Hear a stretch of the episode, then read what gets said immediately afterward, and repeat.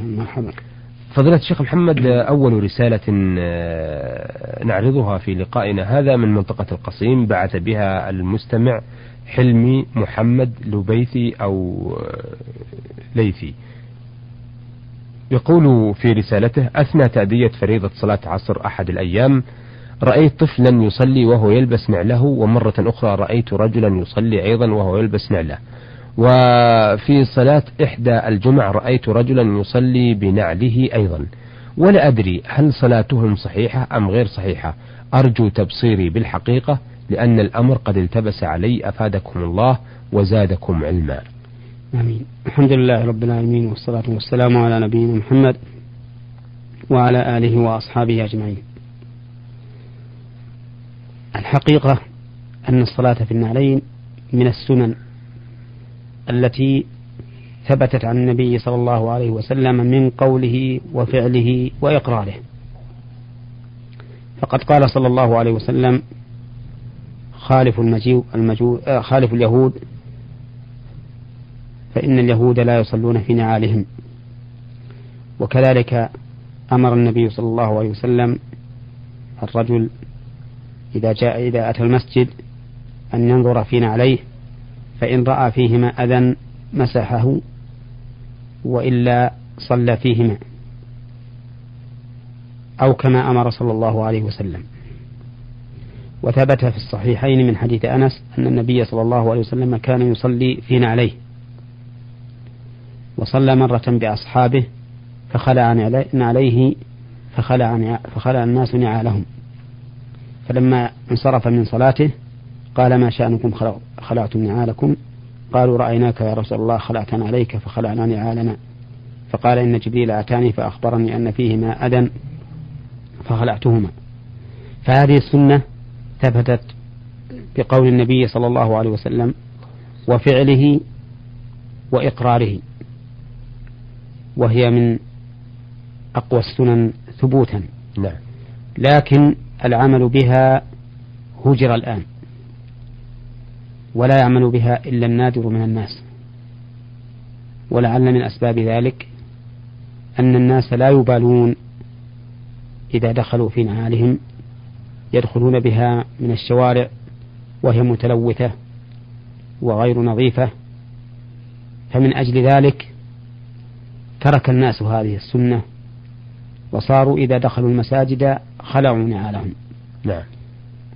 وأخذوها بأيديهم أو أبقوها عند باب المسجد تنزيها للمساجد وخوفا من أن يأتي أحد فيدخل المسجد على غير الوجه الذي أمره النبي صلى الله عليه وسلم أن يدخل عليه المسجد. نعم.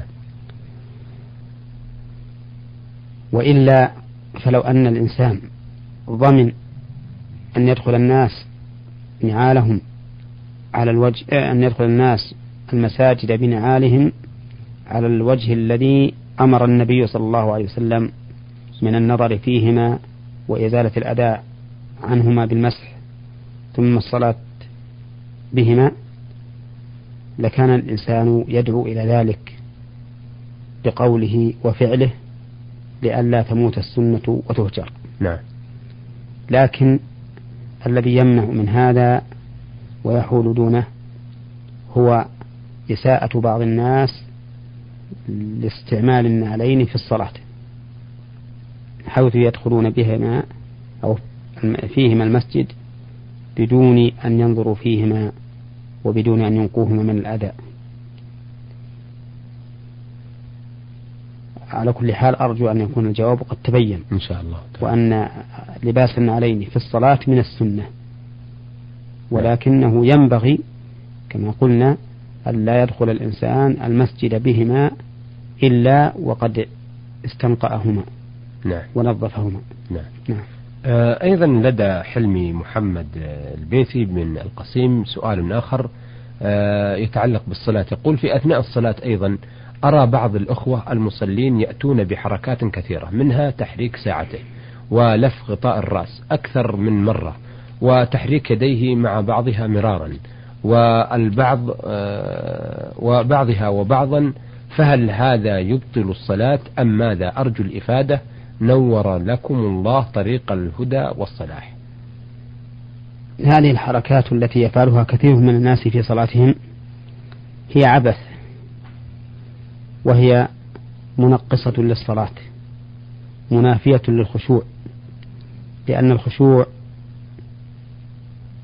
خشوع القلب وخشوع الجوارح هو اللزوم والسكينة بحيث لا ينصرف القلب إلى غير صلاته ولا تتحرك الجوارح بغير أفعال صلاته أو ما يكملها.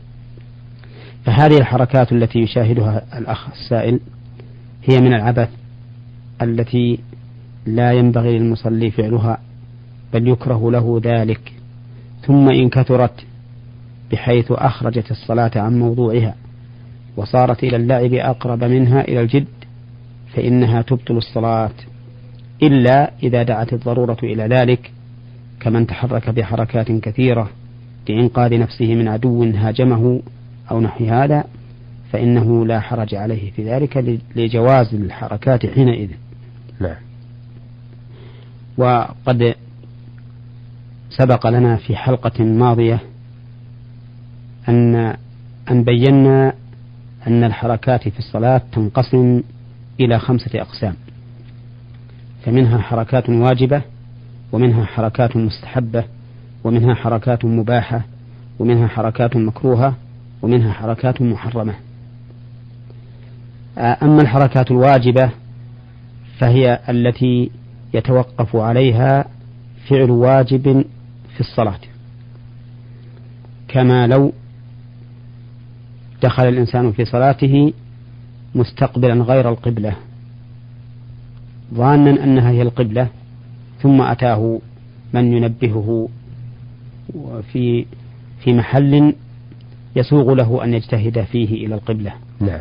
كما لو كان في البر اتجه إلى غير القبلة ثم أتاه إنسان وقال له القبلة على يمينك فإنه يجب أن ينحرف على يمينه كما صنع الصحابة رضي الله عنهم الذين كانوا في قباء يصلون إلى بيت المقدس غير عالمين بتحويل القبلة فأتاهم آت وهم في صلاة الصبح فأخبرهم بأن القبلة حولت إلى الكعبة فاستداروا وهم في صلاتهم إلى الكعبة وأتموها.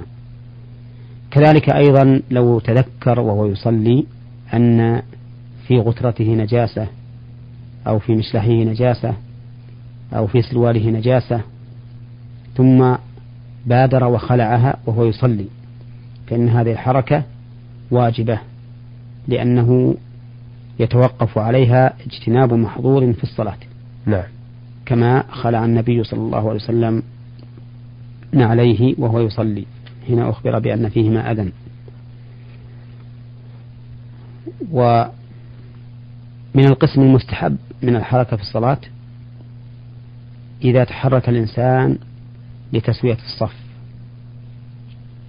كما لو شعر بأنه متقدم أو متأخر عن الصف فتقدم أو تأخر ليكون مساويا للصف.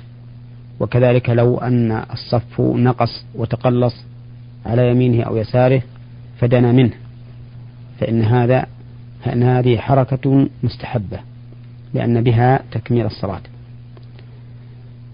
وتكون الحركة مكروهة إذا كانت قليلة لغير حاجة كالعبث الذي ذكره السائل نعم. مثل يعبث في لحيته أو يعبث في أنفه أو يعبث في ساعته أو في قلمه أو في ثوبه بدون حاجة لذلك فإنه من المكروه والمحرم إذا كانت الحركة كثيرة متوالية لغير ضرورة بحيث تخرج الصلاة عن موضوعها وتكون الصلاة في هذه الحال إلى اللعب أقرب منها إلى الجد فهذه محرمة ولا تجوز وتبطل الصلاة إلا إذا كان لعذر فإنها مباحة لا لا تبطل الصلاة. نعم. وأما القسم المباح فهو اليسير لحاجة كما لو أصاب الإنسان حكة أو قرصته نملة أو ما أشبه ذلك فتحرك ليحك هذه الحكة تبرد عليه أو ليزيل تلك النملة أو ما أشبه ذلك فهذا لا بأس به لأنه حركة يسيرة لحاجة. نعم. وكما فعل النبي صلى الله عليه وسلم حين كان يصلي وهو يحمل أمامة بنت زينب بنت رسول الله صلى الله عليه وسلم. فإذا قام حملها وإذا سجد وضعها على الأرض. فهذه حركة لكنها يسيرة لحاجة ففعلها النبي صلى الله عليه وسلم. كذلك أيضا من القسم المباح الكثيرة إذا كانت للضرورة كما لو هاجمه سبع أو عدو أو لحقه واد من الماء شعيب نعم. أو ما أشبه ذلك. وصار يسعى للتخلص من هذه الضرورة من, من هذا الضرر فإن ذلك ضرورة ولا يبطل صلاته. نعم. لقول الله تعالى فإن خفتم فرجالا أو ركبانا. ومعلوم أن الرجال الذين يمشون على أرجلهم سوف يتحركون حركات كثيرة بقدر ما يتخلصون به من هذا المخوف. نعم, نعم. آه هذه الرسالة وردتنا عن آه حول النجاسة. يقول مرسلها آه وهو طالب في متوسطة ابن هشام بالرياض ورمز إلى اسمه بحرف يا عين عين حاء. يقول في رسالته أنا عندما أتبول لا ينزل جميع البول وإنما يبقى منه قليلا وأحاول إنزاله ولكن لا أستطيع وبعد ذلك أتوضأ للصلاة. وأنا في الطريق إلى المسجد أو في الصلاة أحس أن الباقي قد نزل. ولما أصلي أذهب إلى البيت فأغسل مكان النجاسة فهل تصح صلاتي؟ وما هو الحكم والحل في هذه الحالة؟ وفقكم الله. آمين. الحل في هذه الحالة أولا أن تراجع الطبيب المختص في المجال البولية لعلك تجد عنده ما يشفي الله به هذا المرض. وأما بالنسبة للحكم الشرعي في ذلك فإنه ينبغي لك أن تتقدم قبل أن يحين فعل الصلاة فتتبول وتبقى على بولك حتى يخرج جميع البول فإذا غلب على ظنك أنه خرج جميع البول فقمت.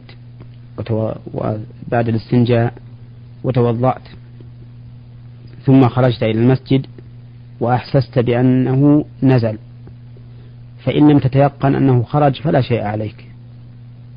وإن تيقنت أنه خرج فقد انتقض وضوءك وعليك أن ترجع إلى البيت وتغسل ثيابك وما لوثك من البول وتعيد الوضوء لتصلي صلاة صحيحة. من آه، نورة عبد الرحمن الدهمش من آه، من مكة المكرمة تقول أنا فتاة أذهب إلى حفلات الزفاف للتقابل مع الصديقات والأقرباء الذين لا نراهم إلا في هذه الحفلات. وأشعرك يا فضيلة الشيخ أنني فتاة متمسكة بديني وسنة نبيي محمد صلى الله عليه وسلم وأريد أن أسألكم هل هذا حلال أم حرام؟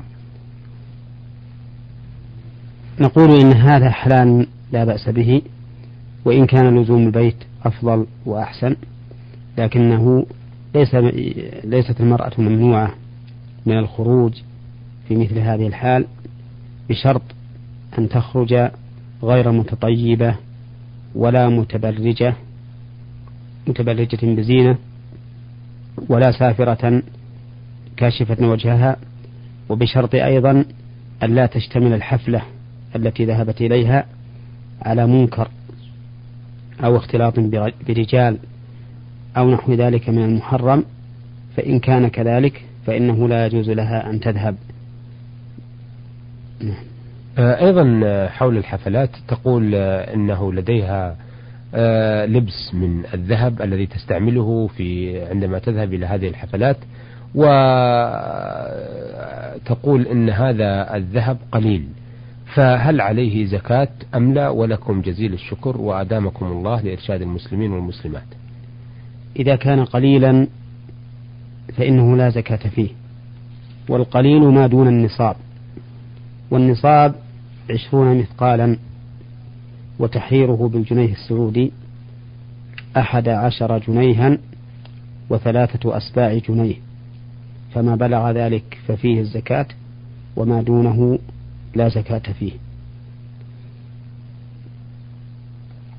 ولا فرق بين أن تكون المرأة تلبسه دائما أو تلبسه في المناسبات أو قد أعدته للعارية دون اللبس فإن هذا كله تجب فيه الزكاة لعموم الأدلة الدالة على وجوب الزكاة في الذهب والفضة ولم يرد تخصيص الحلي بدليل صحيح. آه،